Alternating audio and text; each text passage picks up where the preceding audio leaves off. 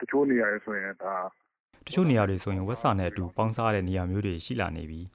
ဟိုကရောတရားရောရောပဲခါကျဟိုဟာရောဒီဟာရောရောကျွေးတဲ့အခါသူတို့ကလေးတွေအားရချွတ်ချွတ်တက်တဲ့အဆင့်ရောက်နေကြတယ်လေနာဂကိုပိုင်အုပ်ချုပ်ခွင့်ရဒေသမှာဆင်းရဲမွဲတေမှုနှုန်းမြင့်မားတာအာဟာရချို့တဲ့မှုနဲ့စားနပ်ရိက္ခာမလုံလောက်မှုတန်တွေကိုစစ်အာဏာမသိမ်းခင်ကတည်းကခန်းစားခဲ့ရပါတယ်။ အခုဆိုရင်ပရိပခနဲ့ပိတ်ဆို့မှုတွေကြောင့်အရေးကြီးတဲ့ရိက္ခာတွေကိုပါဖျက်တောက်ခံနေရတယ်လို့ဒေသခံတွေကပြောကြပါတယ်။လက်ရှိအဲ့ဒီဒေသတွေမှာအစိုးရအဖွဲ့တွေကလည်းမကူညီကြသလိုပရိဒအဖွဲ့တွေကလည်းထွက်ပြေးပုန်းရှောင်နေရတာတွေရှိတာကြောင့်ဒေသခံတွေကကုကရမဲ့နေကြပါတယ်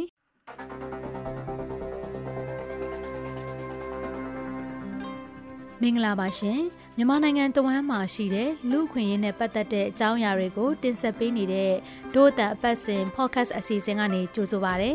ဒီအစီအစဉ်ကို Foundation Hero တဲကကူညီပံ့ပိုးပေးထားတာပါဒီတစ်ပတ်အစီအစဉ်ကိုဒို့အတန်ရဲ့အလွတ်တန်းသတင်းတောက်ကရေးသားတင်ဆက်ထားပါတယ်လုံခြုံရေးအခြေအနေတွေကြောင့်နာမည်နဲ့အတန်တွေကိုပြောင်းလဲအသုံးပြုထားပါတယ်ရှင် အာစန်စန်မစားရတဲ့ခါကျတော့ကလေးတွေအဲ့ဒီဟိကြီးလေးရောနော်ဆမ်မစားတဲ့အခါကျတော့ကလေးတွေကအရွတ်တွေရောနှောစားတဲ့တဲ့အခါကျတော့ကလေးတွေကနည်းနည်းတော့စိတ်မချမ်းသာဘူးပေါ့တခါလေဝမ်းကိုက်လိုက်တခါလေခေါင်းကိုက်လိုက်နဲ့အစားတော့မမှန်တဲ့အခါကျတော့အဲ့လိုမျိုးပုံမှန်မစားတဲ့အခါကျွန်တော်အဲကျိုးကြတော့ဟိုဟာရောဒီဟာရောရောကျွေးတဲ့အခါသူတို့ကလေးတွေအားရချွတ်ချွတ်တက်တဲ့အဆင့်ရောက်နေကြတယ်လေ ကိုကဲယုံကကလေးလေးယောက်ရဲ့ဖခင်မှာငယ်ဆုံးကလေးကတော့အသက်9နှစ်ပဲရှိပါသေးတယ်။သူတို့မိသားစုဟာအိန္ဒိယနယ်စပ်နားမှာရှိတဲ့ဝီလန်ခေါင်တည်တဲ့တောင်တန်းဒေသတွေကတစ်ခုဖြစ်တဲ့နာဂကိုပိုင်အုပ်ချုပ်ခွင့်ရဒေသမှာနေထိုင်ကြတာပါ။သူတို့နေတဲ့ရွာကတော့နန်းရွန်းနဲ့လဟယ်မြို့နယ်ကြားမှာရှိတဲ့ဒုံဟီးမြို့နယ်ခွဲမှာရှိပါတယ်။သူတို့မိသားစုဟာမီယိုဖလာတောင်ယာလုပ်ငန်းကိုလုပ်ကင်ကြသူတွေဖြစ်ပြီး အခက်အခဲဆုံးအခြေအနေတွေနဲ့ရင်ဆိုင်နေကြရပါတယ်။ပြီးခဲ့တဲ့နှစ်ကရာသီဥတုမကောင်းတာကြောင့်သူတို့မိသားစုဝမ်းစာစပါးလုံလုံလောက်လောက်မရခဲ့ပါဘူး။ဒါကြောင့်လက်ရှိအချိန်မှာသူတို့ဒေတာမှာဆန်စပါးရှားပါးပြက်လက်မှုကိုကြုံတွေ့နေရတဲ့အတွက်အသက်ရှင်ရက်တည်ဖို့ခက်ခက်ခဲခဲနဲ့ရှာဖွေစားတောက်နေရတာပါတရားနဲ့တရားအဲစံကိုလိုက်ချာချာချာဖွေကြတဲ့ခါမှလည်းဘာမှတရွာနဲ့တရွာဆန်ကိုလိုက်ရှာတဲ့အခါမှာလဲဘာမှအခုဆိုရင်ရှာလို့ဖွေလို့ကိုမရတော့ဘူးဆိုတဲ့ပုံစံမျိုးပါ ဟင်းပေါင်းတွေဘာတွေစားတဲ့အဆင့်မှာရောက်နေပါပြီဒီဘက်မှာလေဒုံဒုံဟီးဘက်မှာပေါ့ဟင်းပေါင်းကတော့ဆန်တစ်ခွက်ဘလူးဆန်ခွေးမြီးဆန်ရောထည့်ပြီးတော့ပေါ့တောတွေကရတဲ့ဟင်းသီးဟင်းရက်တွေပေါ့နောက်ပြီးတော့စိုက်ပျိုးထားတဲ့ဟာနဲ့အဲ့လိုမျိုးရောထည့်ပြီးတော့တနက်စားဖို့အဲ့လိုမျိုးမနှဲကြံဖန်ပြီးစားသုံးနေရတယ်။နာဂဒေတာမှာဆန်စပါးရှားပါးပြက်လက်ရတဲ့အဓိကအကြောင်းရင်းကတော့ 2021ခုနှစ်ဖေဖော်ဝါရီလကဖြစ်ခဲ့တဲ့စစ်အာဏာသိမ်းမှုရဲ့နောက်ဆက်တွဲပဋိပက္ခတွေကြောင့်ပါ။စစ်ကောင်စီနဲ့တော်လှန်ရေးတပ်ဖွဲ့တွေကြားတိုက်ပွဲတွေကနာဂဒေတာရဲ့ကုန်စည်တည်ယူပို့ဆောင်တဲ့အဓိကလမ်းကြောင်းတွေကိုထိခိုက်စေခဲ့ပါတယ်။ဒါ့အပြင်စစ်ကောင်စီရဲ့ဖြက်လေးပြက်ပြူဟာအရအခြေခံစားသောက်ကုန်နဲ့73စီတွေကိုပမာဏတစ်ခုပဲတည်ယူခွင့်ပေးပြီးကန့်သက်ထားတာကလည်းနာဂဒေတာကုန်စည်စည်းစိမ်မှုကိုထိခိုက်စေပါတယ်။ အရင်ကနန်းယွန်းမြို့နယ်အတွက်လိုအပ်တဲ့ရိတ်ခါကိုပုံမှန်အဖြစ်ကချင်ပြည်နယ်တနိုင်းမြို့နယ်ဘက်ကနေရရှိတာပါ။ဒီနေ့ထဲမှာစစ်ကောင်စီတပ်တွေနဲ့ကချင်လွတ်လပ်ရေးတပ်မတော် KIA တို့ကြားတိုက်ပွဲတွေအရှိန်မြင့်လာပါတယ်။အဲဒီနောက်ပိုင်းမှာတော့စစ်ကောင်စီတပ်ဖွဲ့ဝင်တွေကစစ်ဆေးရေးဂိတ်တွေမှာစံနဲ့73စီတည်ဆောင်တဲ့ပမာဏကိုကြက်ကြက်မက်မက်စစ်ဆေးနေတယ်လို့နန်းယွန်းမြို့ကန်ကိုဦးကပြောပါတယ်။ဦးကြတော့မရဘူးတက္ကသနေတနန်းနေမှာသူက အခုကြတော့မရဘူးဓာတ်ကစားကနေတနိုင်းကလာပြီးတော့မှလာတက်တက်ထိုးအိတ်တော့ရဆိုအိတ်တော့ရသူတို့ဟာသူတို့အတေချလုပ်ပေးတာအဲ့စီရင်တိုင်းမဲ့တအိတ်ပို့တအိတ်ထားပစ်ခဲ့ရတာတအိတ်ပို့တအိတ်ထားပစ်ခဲ့ဆိုတော့ခုနကကျွန်တော်ပြောသလိုပဲတချို့ဆိုရင်အိတ်150နေရာလောက်မိတာများတော့အဖြစ်အဲ့လိုတွေမိတော့တဲလို့မရဘူးပေါ့တဲလို့မရဘူးဆိုတော့အခုနောက်ပိုင်းတအားကြက်ပစ်လိုက်တော့လေ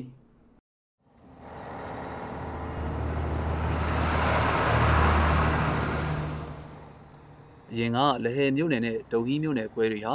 ပုံမှန်အားဖြင့်ခန်းဒီမြို့ကနေစားနယ်ရိတ်ခါတည်ယူကြတာပါ။ဆန်ကိုလည်းစကိုင်းတိုင်းဒေသကြီးမော်လိုက်ဖောင်းပြင်စတဲ့ဒေသတွေကနေတဆင်မဟာနယ်လန်တလျှောက်တည်ယူပို့ဆောင်နေကြဖြစ်ပါတယ်။ဒါပေမဲ့လည်းလက်ရှိအချိန်မှာတော့အဲ့ဒီဒေသတွေမှာစစ်ကောင်စီတပ်ဖွဲ့ဝင်တွေနဲ့တော်လိုင်းတပ်ဖွဲ့တွေကြားတိုက်ပွဲတွေဖြစ်နေပါတယ်။ခန်းဒီမြို့ကလည်းချင်းတွင်းမြစ်ကြောင်းကိုတုံးပြီးတည်ယူပို့ဆောင်တဲ့ကုန်ပစ္စည်းတွေကိုပဲအများသောအားဖြင့်မိခိုနေရတာပါအဲ့ဒီရေလမ်းကြောင်းကိုလည်းလက်နက်ကင်ပဋိပက္ခကထပ်ပြီးတော့ဖျက်တောက်ပစ်လိုက်တယ်လို့လဟေဒေသခံကိုသိန်းနံကရှင်းပြပါတယ်ဒီလိုကတော့ခုနပြောတဲ့ချင်းလေးမြေကြောင်ကိုအဓိကတည်ရတဲ့နေရာတွေမှာပဲအကျက်တဲဖြစ်တာပေါ့ဥမာဒါဒီဘက်ကတော့ခုနပြောတဲ့ချင်းတွင်းမြင့်ကြောင်းအဓိကထားတရားတဲ့နေရာတွေမှာအကြက်တဲဖြစ်တာပေါ့ဥပမာပြောရရင်စကားစားဘက်ကတင်မောတွေတက်လိုက်ရင်ရေချောင်းပိတ်တာကတစ်လားနှစ်လားနေပါကြာတယ်ပေါ့နော်အဲ့ဒီခါကျရင်ဒီဘက်မှာရှိတဲ့ကုံတွေတွေကပစ္စည်းမရှိလို့ဆိုတဲ့အနေအထားမျိုးနဲ့ဈေးတက်လိုက်တာမျိုးပေါ့အဲ့ဒီချိန်ဆိုရင်အတက်ရောအစင်ရောအကုန်ပိတ်တယ်လေ အဲ့ဒီလိုလမ်းမဆက်သွယ်ရေးပြဿနာတွေနဲ့ကုန်ပစ္စည်းတည်ယူတာကိုကန့်သက်တာတွေကကုန်စည်နှုန်းတက်စေတဲ့အကြောင်းရင်းတွေပါပြီးခဲ့တဲ့ဇူလိုင်လလောက်ကစပြီးစံညမ်းတအိတ်ကိုကျပ်3သိန်းခွဲကျော်တဲ့အထိရုတ်တရက်ဈေးလှိမ့်တက်သွားပါတယ်ဒါကြောင့်နာဂဒေသရဲ့တချို့နေရာတွေကဆိုင်တွေမှာစံရှိကောင်းရှိနိုင်ပေမဲ့လူအများစုကတော့ဝယ်မစားနိုင်တော့ပါဘူးဒေသခံတွေကတော့ကြီးလက်ပိုင်းမှာနေတဲ့သူတွေကဒီဒဏ်ကိုအခံရဆုံးဖြစ်တယ်လို့ဆိုပါတယ် 2014ခုနှစ်သကောင်စင်းအရကတော့အဲ့ဒီပမာဏဟာပြန်များအဖြစ်နာဂဒေသလူဦးရေရဲ့90ရာခိုင်နှုန်းဝန်းကျင်ဖြစ်ပါတယ်။ကိုသိန်းနံကနာဂကိုပိုင်ဥချုပ်ခွင့်ရဒေသရဲ့မြို့တော်ဖြစ်တဲ့လဟေမြို့မှာနေတာပါ။သူ့အနေနဲ့ငွေကြေးအကျက်တဲရင်ဆိုင်နေရပေမဲ့လည်းတခြားသူတွေလောက်တော့မယုံကန်ရသေးဘူးလို့ဆိုပါတယ်အဲဒီမှာတော့တော်တော်များများအကျက်တဲလို့ဖြစ်နေပါတယ်တချို့ ဒီမှာတော့တော်တော်များများအကြက်တဲဖြစ်နေပါတယ်တချို့နေရာတွေဆိုရင်ဝက်စာနဲ့အတူပေါင်းစားတဲ့နေရာမျိုးတွေရှိလာနေပြီ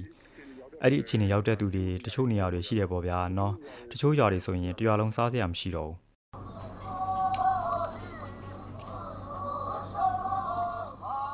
။နာဂကိုပိုင်ဥချုပ်ခွင့်ရဒေသဟာမြန်မာနိုင်ငံရဲ့အစင်းရဲဆုံးနဲ့ဖွံ့ဖြိုးမှုအနှိမ့်ကျဆုံးနေရာတွေတဲကတစ်ခုဖြစ်ပါတယ်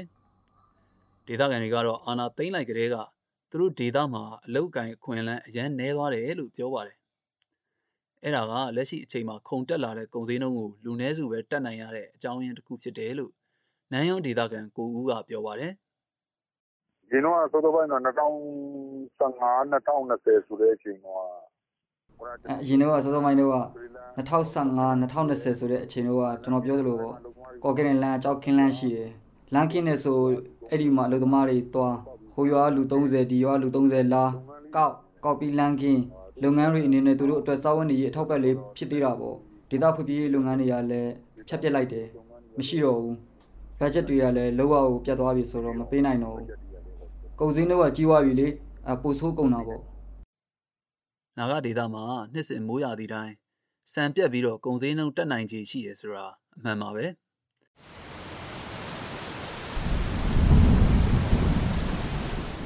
ဒီနေ့ဂျွန်လလေလောက်မှာမိုးတဲတဲမဲမဲရွာပြီးတော့နန်းယွန်းဒေသမှာလမ်းပြတ်တောက်တာတွေနဲ့မြေပြိုတာတွေဖြစ်ခဲ့တယ်လို့သတင်းတွေမှာဖော်ပြပါတယ်ဒါပေမဲ့အာနာမသိငင်မိုးရာသီတွေမှာတော့အစိုးရနဲ့လွတ်တော်ကိုယ်စားလှယ်တွေကတနည်းနည်းနဲ့ပြည်သူကိုကူညီခဲ့ကြတယ်လို့နာဂတိုင်းရင်းသားနိုင်ငံရေးသမားဟောင်းဥဥနွေးကပြောပါတယ်ပြီးခဲ့တဲ့ကျွေးရလက်ထက်ကာလတုန်းကတော့စံနေပြက်လက်မှုမရှိအောင်အရန်စံနေအနေနဲ့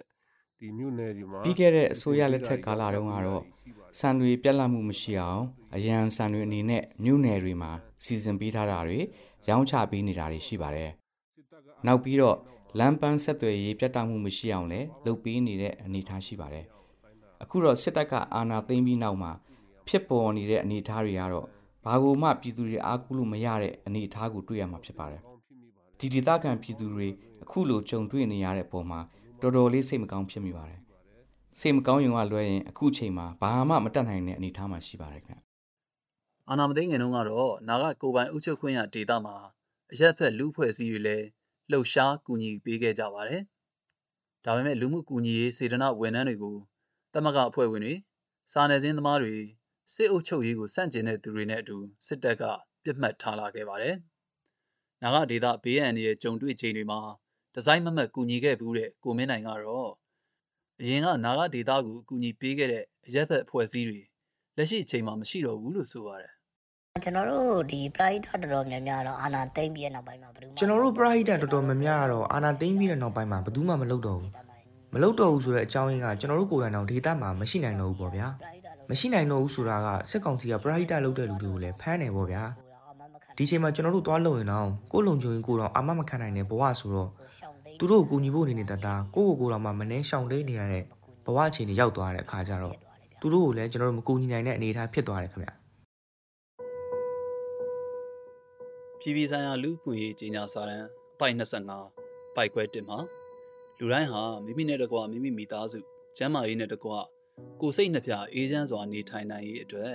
အစာအာဟာရအဝတ်အထည်နေအိမ်စီးပွားအကူအညီနဲ့လိုအပ်တဲ့လူမှုအထောက်အပံ့များပါဝင်တဲ့ တင်းလျော်လျောက်ပတ်တဲ့လူမှုအဆင့်အတန်းကိုရယူခံစား권ရှိတယ်လို့ပါရှိပါတယ်။ဒါပေမဲ့လည်းနာဂဒေတာကဒေတာကန်တွေဟာအဲ့ဒီအခွင့်အရေးကိုရမနေပါဘူး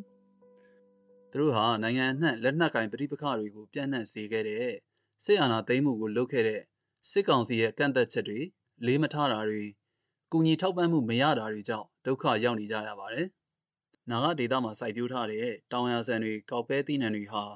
ပြန်ပြန်အဖြစ်အော်တိုဘာလကုံလောက်မှရိတ်သိမ်းနိုင်မှာပါ။ခြားတောင်ယာသမားတွေလိုပါပဲ။ကိုကဲယုံတယောက်လည်းသူ့မိသားစုကိုတင်းနဲ့မျှတအောင်ပြန်ပြီးတော့ကျွေးမွေးနိုင်မှုအတွက်နှစ်လဝန်းကျင်လောက်စောင့်ရအောင်ပါပါ။သူကတော့လက်ရှိနိုင်ငံရေးအခြေအနေကိုစိတ်ပြက်နေပါတယ်။ဒီတဆုပ်ကိုတို့မိနစ်ခါလာစိတ်ထဲမှာတော့တမျိုးခံစားရပေါ့။ဘယ်ချိန်မှမိသားစုကိုဒီလိုမြင်တဲ့အခါစိတ်ထဲမှာကတော့ကျွန်တော်ခံစားရတာပေါ့ ဘယ်အချိန်မှအစိုးရကောင်းတဲ့လက်ထက်မှာဘယ်အချိန်ရောက်ပါမလဲဆိုပြီးတော့အလင်းထဲကိုရောက်ချင်တာပေါ့။ဘာကြောင့်တမ်းပြီးဒီလိုမျိုးပြက်နေတယ်လဲဆိုတာကတော့ကျွန်တော်စိတ်ထဲခံပြင်းနေတာပေါ့။တရားခံဘလို့ရှာရင်ကောင်းမလဲဆိုတာမျိုးတွေးတော့လာတယ်။ဒေါသလည်းတော်တော်ထွက်နေတာပေါ့။ဘသူကိုဘလို့လုပ်ရင်ကောင်းမလဲဆိုတာပေါ့။အဲ့အမျိုးလဲတွေးခေါ်လာတယ်။စိတ်လည်းတော်တော်တူလာတယ်။စိတ်တူလာတယ်ပေါ့ဗျာ။တာသမီမျက်နှာကိုကြည့်ရတာစိတ်မချမ်းသာဘူးပေါ့။မိခင်ဖခင်အနေနဲ့ ဒို့အတန်ရဲ့ဒီတစ်ပတ်အစီအစဉ်ကိုနားဆင်ပေးတဲ့အတွက်ကျေးဇူးတင်ပါတယ်ရှင်။နားဆင်သူတွေရဲ့လူမှုကွန်ရက်ပေါ်ကနေဝေဖန်အကြံပေးတာတွေကိုလည်းကြိုဆိုပါရစေ။ဒီအစီအစဉ်ကိုအလှူရှင်တွေရဲ့ကူညီမှုနဲ့ Foundation Hero တဲကပံ့ပိုးပေးထားတာဖြစ်ပါတယ်။ဒို့အတန်အတန်လွှင့်အစီအစဉ်ကို Frontier မြန်မာရဲ့ website နဲ့ Facebook စာမျက်နှာတွေအပြင်ဒို့အတန်ရဲ့ Facebook စာမျက်နှာ SoundCloud, YouTube, iTunes တို့ကနေလည်းဝင်ရောက်နားဆင်နိုင်မှာဖြစ်တယ်လို့ VOA ကထုတ်လွှင့်တဲ့ရေဒီယိုအစီအစဉ်မှာလည်းစနေနေ့ည9:00နာရီကနေ10:00နာရီတွင်းနဲ့တနင်္ဂနွေနေ့မနက်6:00နာရီကနေ9:00နာရီတွင်းမှာလည်းနားဆင်နိုင်ပါတယ်။နောက်တစ်ပတ်မှာထုတ်လွှင့်မဲ့ဒို့တန်ဖော့ကတ်အစီအစဉ်ကိုလည်းစောင့်မျှော်နားဆင်ပေးကြပါအောင်ရှင်။